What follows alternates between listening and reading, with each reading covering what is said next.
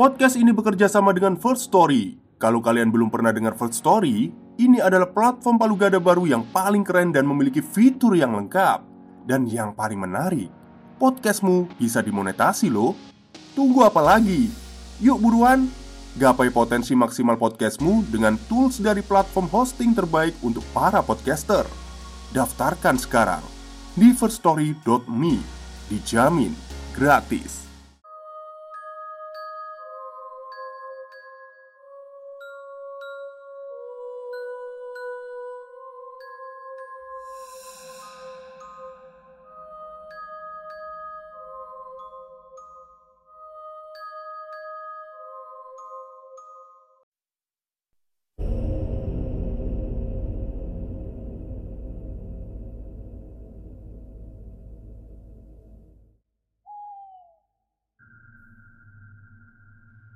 Assalamualaikum warahmatullahi wabarakatuh. Halo semuanya.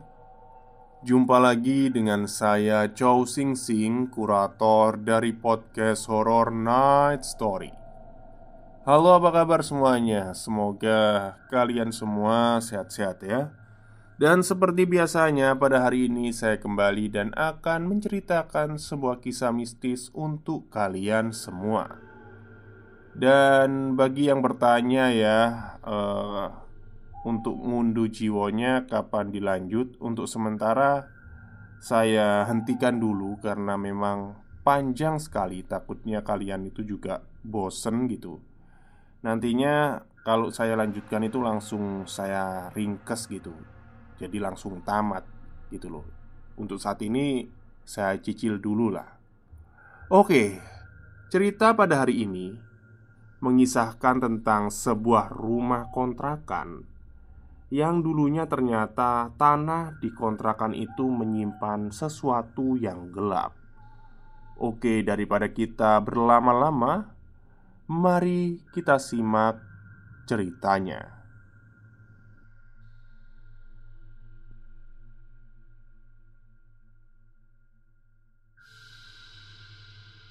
Cerita ini terjadi sudah cukup lama, tapi sepertinya sampai saat ini dia yang ada dalam cerita ini masih berada di sana dan tetap enggan pergi dari sana.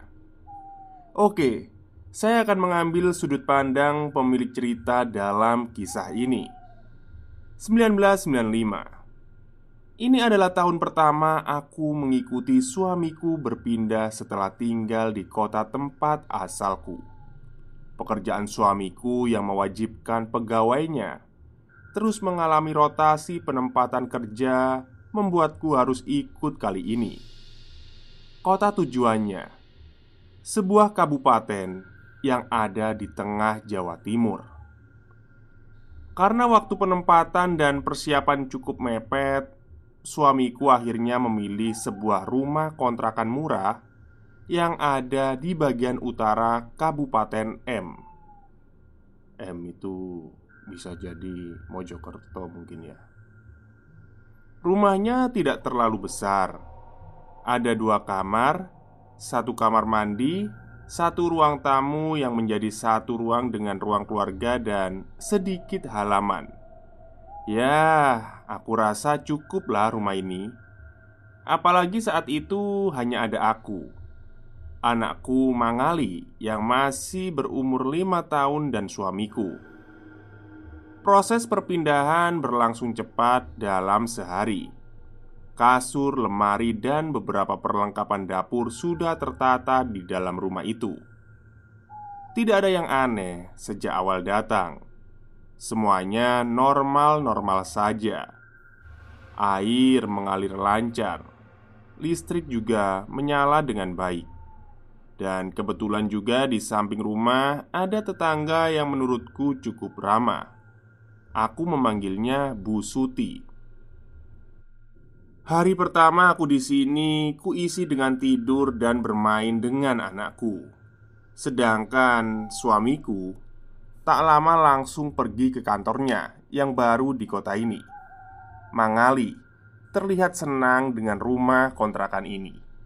Meskipun entah kenapa dia seperti tak pernah mau ketika disuruh ke dapur sendirian. Sampai kemudian beberapa kejadian ganjil mulai terasa. Aku lupa tepatnya. Entah hari ketujuh atau ke-8 Suamiku setiap hari pulang menjelang maghrib Saat itu ketika suamiku pulang Dia terburu-buru lari ke arah dapur. Ya, aku sempat kaget Karena suamiku baru saja melepas sepatu. Loh, loh, ada apa mas? Tanyaku Aku bau gosong. Aku kira kamu lupa matiin kompor Jawab suamiku. Loh, wong aku nggak ngidupin kompor kok Sautku lagi. Suamiku hanya menggaruk kepalanya. Dia jelas-jelas mencium ada bau hangus yang kencang dari arah dapur. Sehingga langsung lari untuk memastikan apa pun yang sedang terbakar.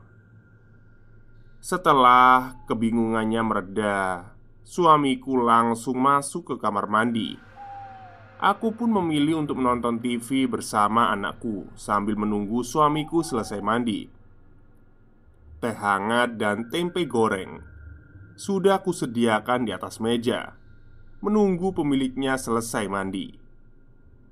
Saat tengah asyik menikmati acara MacGyver, tiba-tiba aku mendengar suara suamiku dari kamar mandi. Nak, jangan di sini.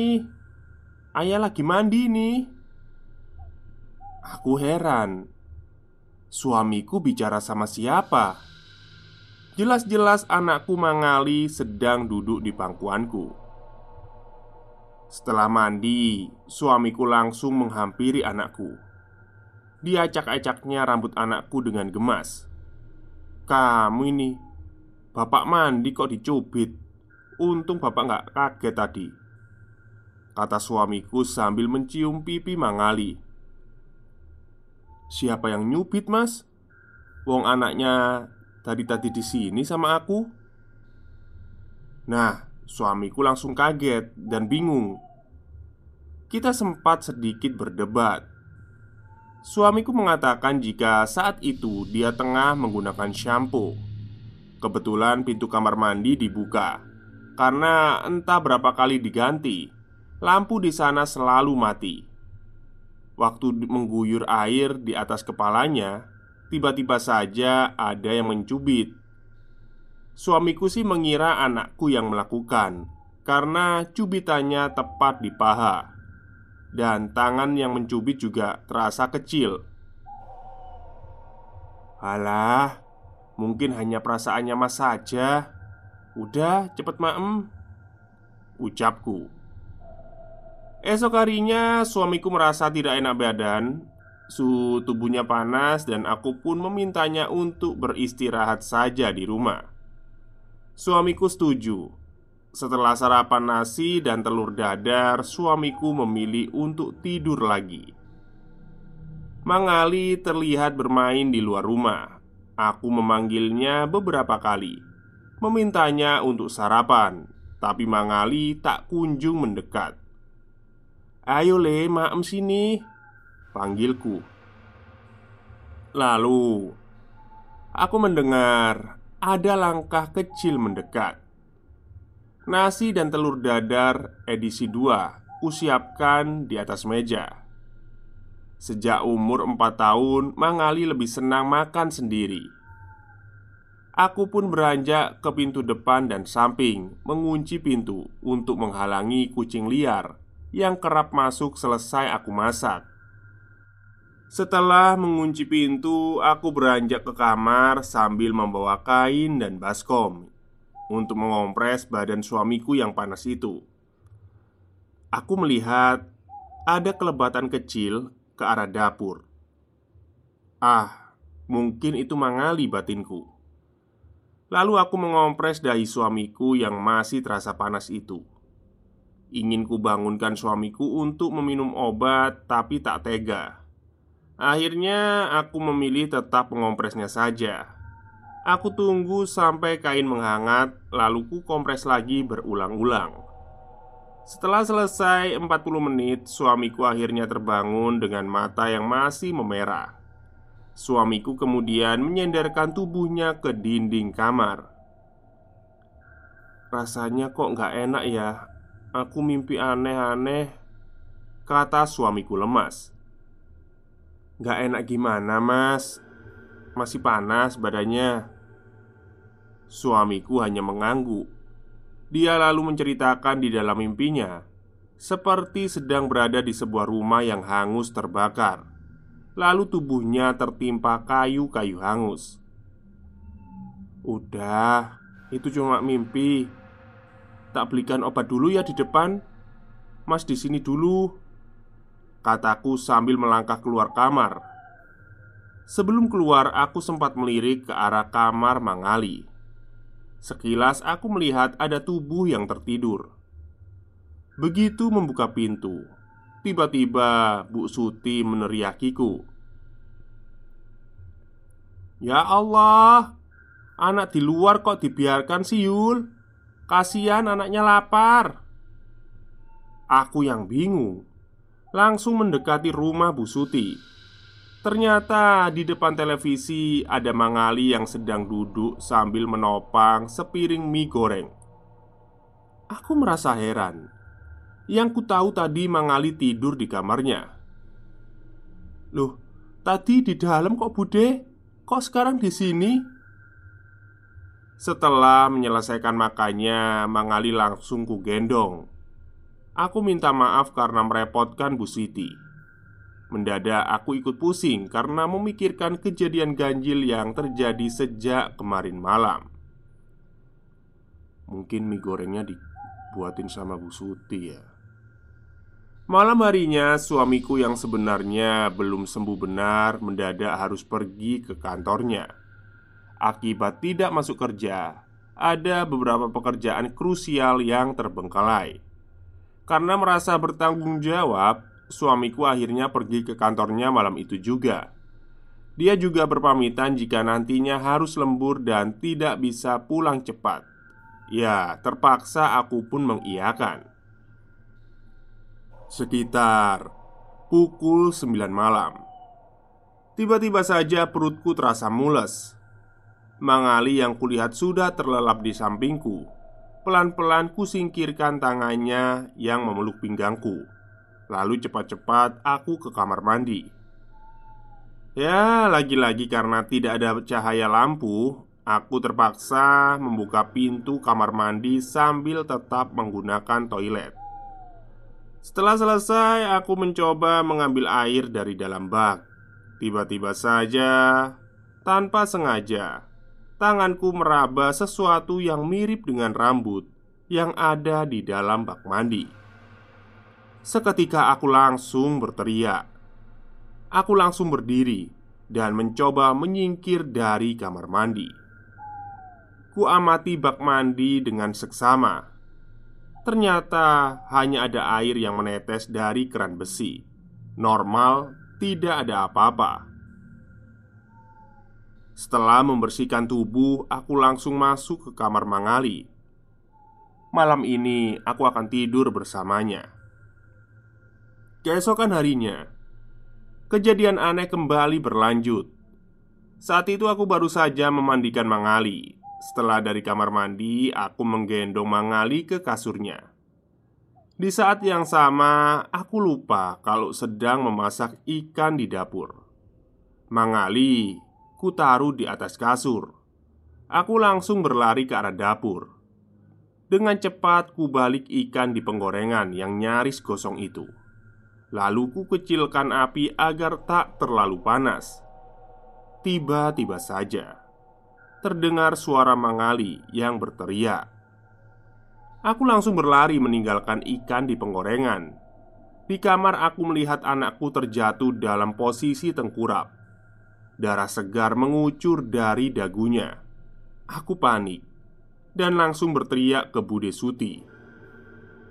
Untuk waktu itu, suami Bude Suti belum berangkat kerja. Dengan perban seadanya, Mangali dibawa ke klinik dekat jalan raya. Sepanjang jalan, aku menangis melihat darah di dagu Mangali. Siang itu, enam jahitan dilakukan untuk menutup luka di dagu anakku. Setelah keluar dari klinik, aku memeluk Mangali dan sempat sedikit memarahinya. Suami Bude sudah berangkat kerja saat itu. Aku memilih berjalan kaki pulang ke kontrakan di jalan sambil menggendong Kutanyai, kenapa Mangali sampai terpleset? Dengan polos, Mangali bercerita jika setelah aku ke dapur, Mangali melompat-lompat di atas kasur. Ketika sedang asyik melompat, tiba-tiba ada seorang anak yang muncul di belakangnya. Anak kecil yang dipanggil Mangali dengan sebutan Mas itu lalu mendorong tubuh Mangali ke depan, sampai akhirnya Mangali pun jatuh dan mengalami luka sobek setelah dagunya membentur keramik. Setengah tak percaya, aku lalu mendesak Mangali untuk tidak berbohong. "Enggak, Ma. Aku enggak bohong. Beneran aku didorong." Ucap Mangali sambil menahan air mata. Sore harinya, Suamiku pulang dengan kaget melihat perban yang membekap dagu Mangali. Suamiku sempat marah karena mengira aku teledor. Aku menjelaskan semua yang terjadi, termasuk apa yang diceritakan oleh Mangali. Meski tidak langsung percaya, tapi suamiku tak melanjutkan emosinya. Dia memilih keluar rumah sambil menggendong Mangali. Aku hanya bisa diam saat itu, bingung antara menyalahkan diri sendiri atau ikut menduga-duga. Tak mau berpikir berat, aku lalu beranjak ke dapur. Sekalian ingin membuat teh. Apalagi sejak pulang kerja, suamiku belum minum apa pun. Masih ada adonan tempe sisa tadi pagi yang rencananya aku goreng sekalian. Di tengah konsentrasiku mengaduk adonan tempe, lagi-lagi aku mendengar suara derap langkah kaki anak kecil. Suaranya persis sekali dengan suara langkah kaki Mangali. Aku menoleh ke lorong dekat kamar mandi yang bersebelahan dengan kamar.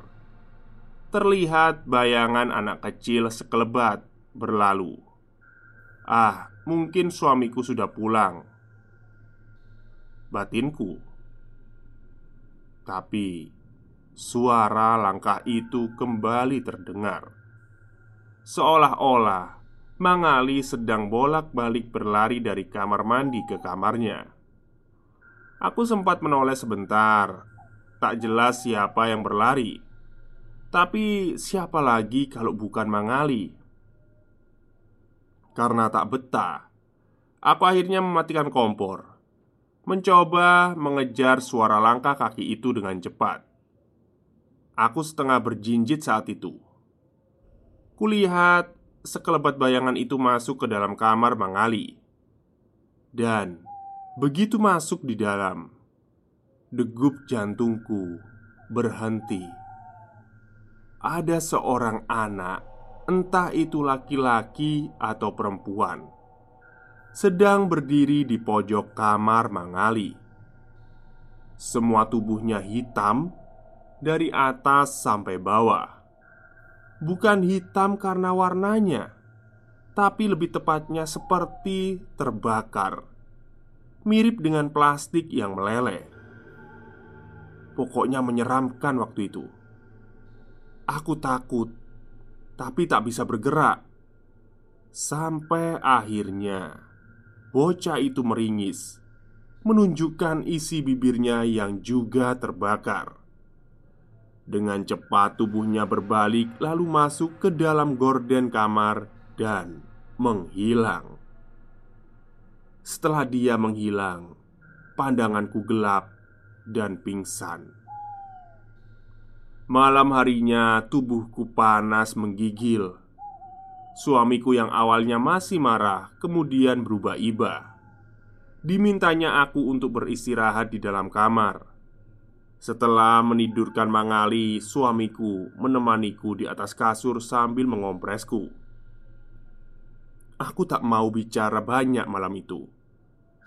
Jujur, sebenarnya aku ingin menceritakan semuanya. Suamiku juga heran kenapa aku tiba-tiba pingsan. Saat pingsan, suamiku bercerita jika Bude Suti bersama suaminya dan Mbak Intan, tetangga sebelah kanan rumah, sempat datang menolongku dan membopongku ke atas kasur.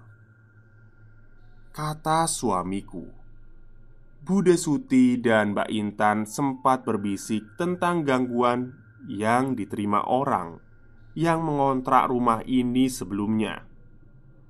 Tapi karena suamiku ini tipikal orang yang tak percaya dengan hal gaib, dia memilih tak bertanya lebih jauh.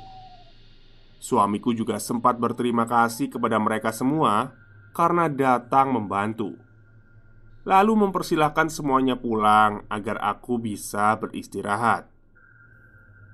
Melihat ketidaktertarikannya terhadap hal gaib, aku pun mengurungkan niatku bercerita. Aku memilih mengarang cerita. Ah, mungkin aku capek, Mas. Tadi siang aku gendong Mangali dari klinik sampai rumah. Kataku bohong. Suamiku pun percaya. Setelah mengecup keningku Suamiku mengajakku untuk tidur. Dia berjanji akan izin besok pagi untuk menemaniku mengurus Mangali Selepas subuh Aku kedatangan tamu spesial di rumah. Bapakku datang pagi itu dari kampung. Aku senang sekali Waktu itu meski belum lama berjauhan Tapi aku udah kangen banget sama bapakku. Entah kenapa Setelah bapak datang Tubuhku merasa sehat kembali. Dan langsung saja kubuatkan kopi pahit kesenangan bapak. Dan kuhidangkan pagi itu juga. Bapak tersenyum melihatku antusias dengan kedatangannya. Belum sempat menaruh tas aku sudah menyuguhinya. Setelah minum kopi, bapak kemudian masuk ke kamar Mangali. Bapakku minta istirahat dulu di kamar Mangali sambil menunggu cucunya bangun. Biasanya, Mangali bangun jam setengah tujuh pagi. Setelah meletakkan tas, bapak kulihat berdiri. Matanya menatap tajam ke arah sudut kamar seperti sedang berkomunikasi dengan matanya. Sekitar 10 menit lamanya aku melihat bapak.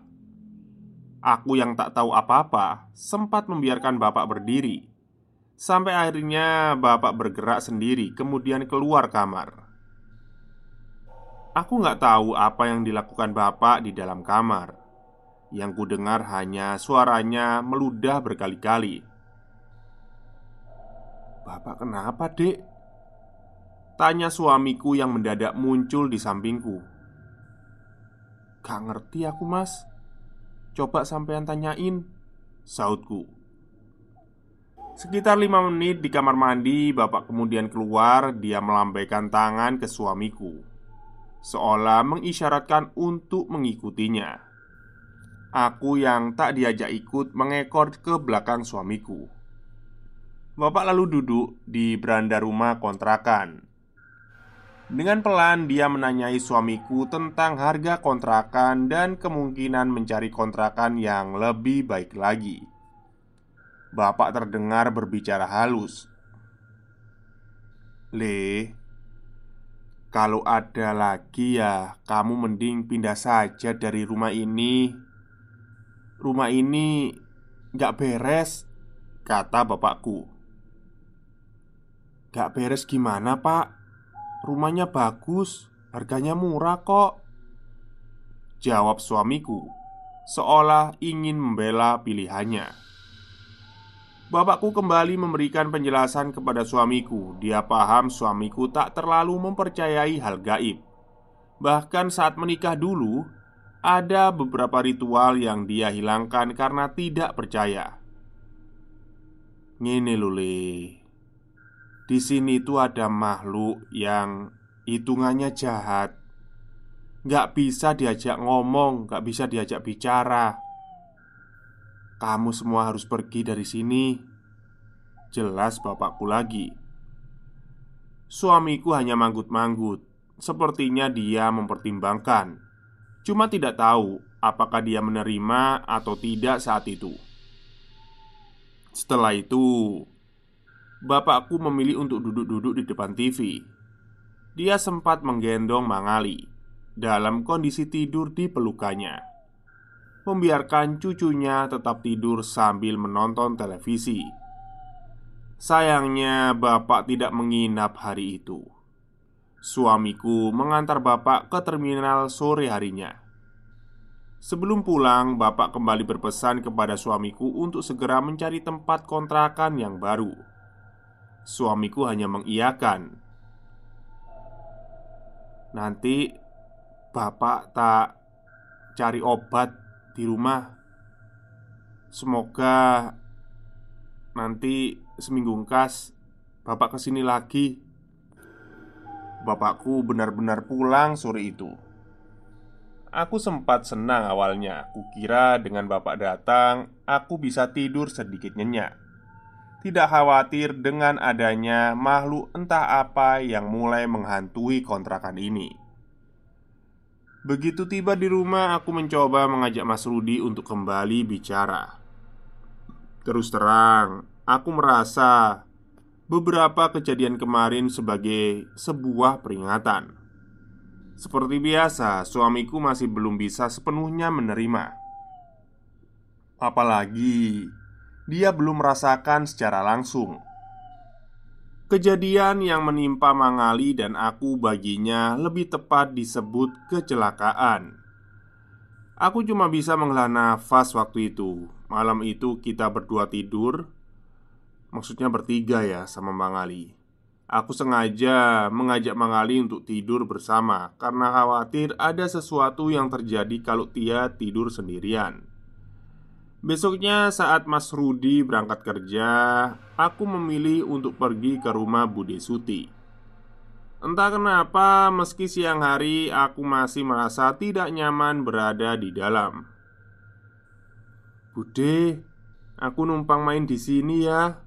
Gak betah di rumah Kataku saat Bude Suti membuka pintu rumahnya Bude Suti tinggal berlima sebenarnya di rumahnya, tapi setiap pagi ketiga anaknya berangkat ke sekolah dan baru pulang menjelang asyar. Sedangkan suaminya hampir sama seperti suamiku, kerja hingga menjelang maghrib. Hari itu kuhabiskan waktu dengan banyak berbincang dengan Bude. Mangali kubiarkan memainkan mainan milik anak-anak laki-laki milik Bude Suti. Setelah berbincang ngalor ngidul, Akhirnya aku mencoba memberanikan diri untuk menanyakan perihal rumah yang aku tempati itu. Aku sebenarnya menceritakan jika suamiku sempat mencuri dengar dari Bude Sumi dan Mbak Intan yang membicarakan rumah itu. Awalnya Bude enggan menjawab sih. Dia mencoba mengalihkan pembicaraan dan nyelimur ke sana kemari. Tapi sampai akhirnya aku menceritakan tentang kedatangan bapakku. Tentang bagaimana ucapannya kepada suamiku untuk segera mencari kontrakan lain. Setelah beberapa kali kudesak, akhirnya Bude Sumi bercerita. Rumah itu sebenarnya pemiliknya sama. Maksudnya ini e, tiga deret rumahnya Bude Suti, Mbak Intan, dan aku itu dari pemilik yang sama. Tapi sejak Bude membeli rumah yang ditempatinya, rumah yang kini aku tempati ini tak pernah dijual. Bahkan sampai Mbak Intan datang ke rumah yang aku tempati juga tak dapat peminat. Memang sempat ada satu dua orang yang mengontrak rumah itu tapi tak pernah lama Bude sendiri tak pernah berkenalan dengan penyewa rumah kontrakanku Mereka ya karena hanya sebentar Mungkin hanya seminggu atau sebulan. Biasanya sih nggak sampai seminggu Mereka sudah pergi. Bude sendiri tak tahu apa penyebabnya Tapi penghuni sebelumku juga pernah pingsan sama sepertiku. Tempatnya juga sama di kamar yang ditempati oleh Mangali. Sejak kejadian itu, Bude bercerita banyak orang yang datang ke rumah kontrakanku, termasuk ketua RT setempat. Yang bisa didengar Bude saat itu hanya cerita tentang arek kobong. Tapi Pak RT tak meneruskan ceritanya. Selama lima tahun bertetangga dengan rumah kontrakanku, Bude mengatakan tak pernah tahu apa yang ada di dalam rumah itu. Karena pemilik kontrakan akan langsung menutup seluruh gorden sebelum menutup rumah. Hanya saja, sering Bude mendengar ada suara air berkecipak di dalam rumah itu. Nah, gitu ceritanya. Selebihnya aku nggak tahu, Yul. Beneran, kata Bude. Aku pun tak ingin mendesak Bude lebih jauh. Setidaknya aku sudah paham dengan apa yang terjadi dengan kontrakan itu. Aku sudah berniat dan meminta pindah ke suamiku. Selepas maghrib, Mas Rudi sudah terlihat santai di depan TV. Pelan-pelan kubicati punggungnya dari belakang kursi. Mangali bermain-main dengan mainan milik anak Bude Suti yang dibawanya dari tadi siang. "Mas, gimana? Sudah dapat kontrakan baru?" Suamiku agak kaget dengan pertanyaanku. Ditariknya punggungnya dari cengkraman tanganku. "Belum. Udahlah, disyukuri aja di sini." Gampang nanti kalau udah kajian kita pindah Jawab Mas Rudi yang tiba-tiba marah Aku tak mengira suamiku tiba-tiba marah seperti itu Mungkin ada masalah ya di pekerjaannya Mas Rudi kemudian beranjak dari kursi dan pergi ke kamar Mangali Dari suaranya terdengar Mas Rudi merebahkan tubuhnya dengan keras di atas kasur Ya, aku hanya bisa menghela nafas Aku tak mau memperparah keadaan. Kubiarkan Mas Rudi tidur di kamar Mangali. Malam harinya, sekitar pukul setengah dua belas malam, aku tiba-tiba dibangunkan dengan suara erangan yang tertahan. Suaranya seperti dari kamar Mangali. Uh, uh. Ku amati suara itu lebih dalam itu sepertinya suaranya Mas Rudi. Aku pikir dia sedang mengigau. Uh, uh. Suaranya kembali terdengar. Kali ini lebih panjang. Aku langsung bangun dari tidur dan melompat ke kamar Mangali. Saat ku buka, aku berusaha menjerit tapi tak bisa. Aku melihat arek kobong atau anak yang terbakar itu sempat membuatku pingsan, kini sedang berdiri di atas dada suamiku yang masih tidur terlentang. Matanya melotot meneteskan kulit-kulitnya yang terbakar di bawahnya. Suamiku terlihat ketakutan. Aku nggak bisa melakukan apa-apa. Akhirnya aku membaca potongan ayat suci. Sosok bocah terbakar itu sempat tersenyum menakutkan sesaat setelah aku membaca ayat itu. Dia kemudian hilang perlahan seperti asap kabut. Setelah itu, aku kembali pingsan, tak sadarkan diri. Aku baru terbangun selepas subuh. Kulihat Mas Rudi sudah bersiap-siap dengan tas-tas besar. "Mau ke mana, Mas?" tanyaku kepada suamiku. Pindah dek Kita harus pindah ini. Ini udah gak beres.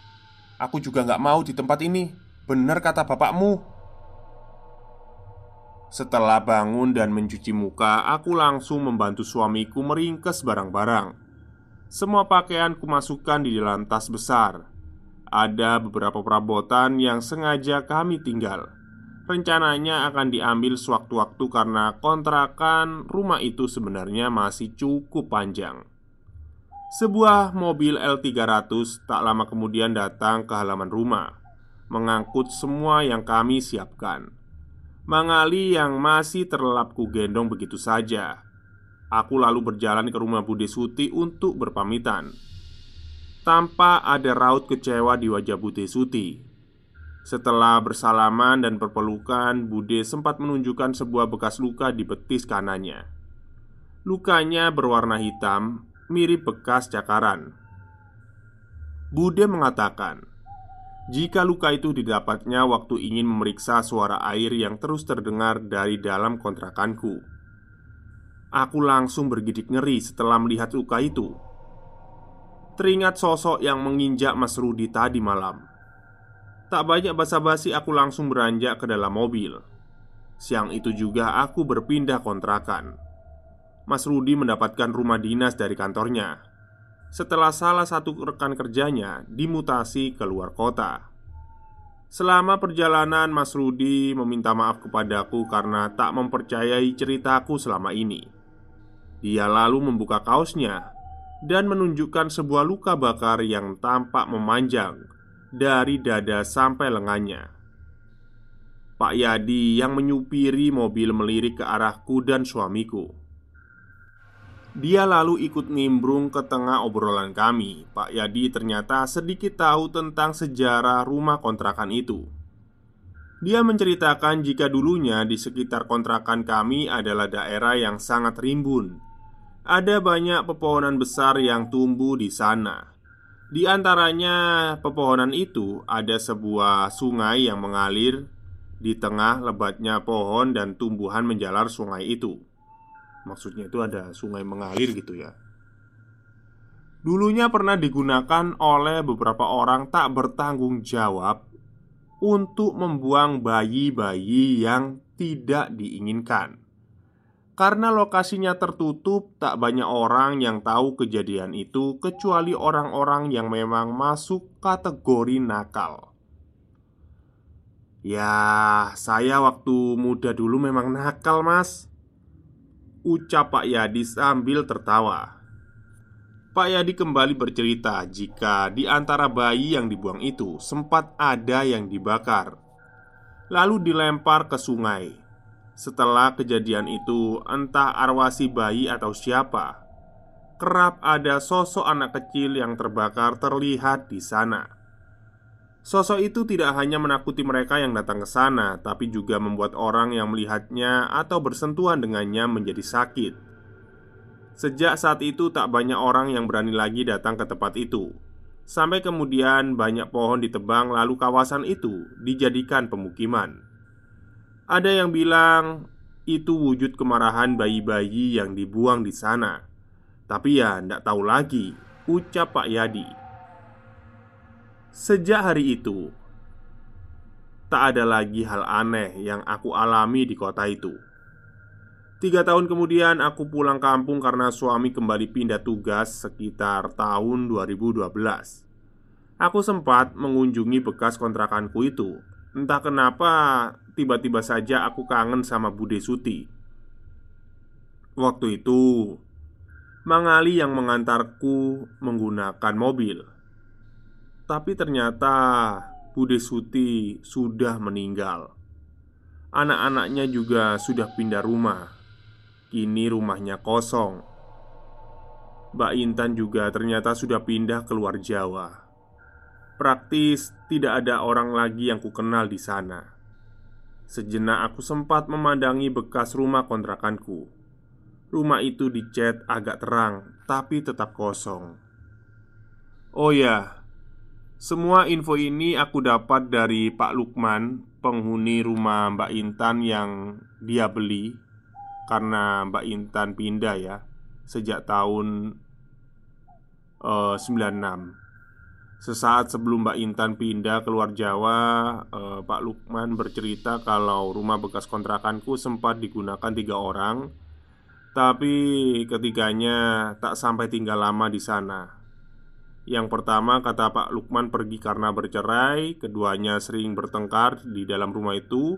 Padahal waktu pertama datang itu keduanya sangat romantis. Dan penghuni kedua dan ketiga, kata Pak Lukman meninggal dunia. Keduanya meninggal di rumah kontrakan itu. Dan yang meninggal pertama sempat dibawa ambulan, tak jelas apa penyakitnya.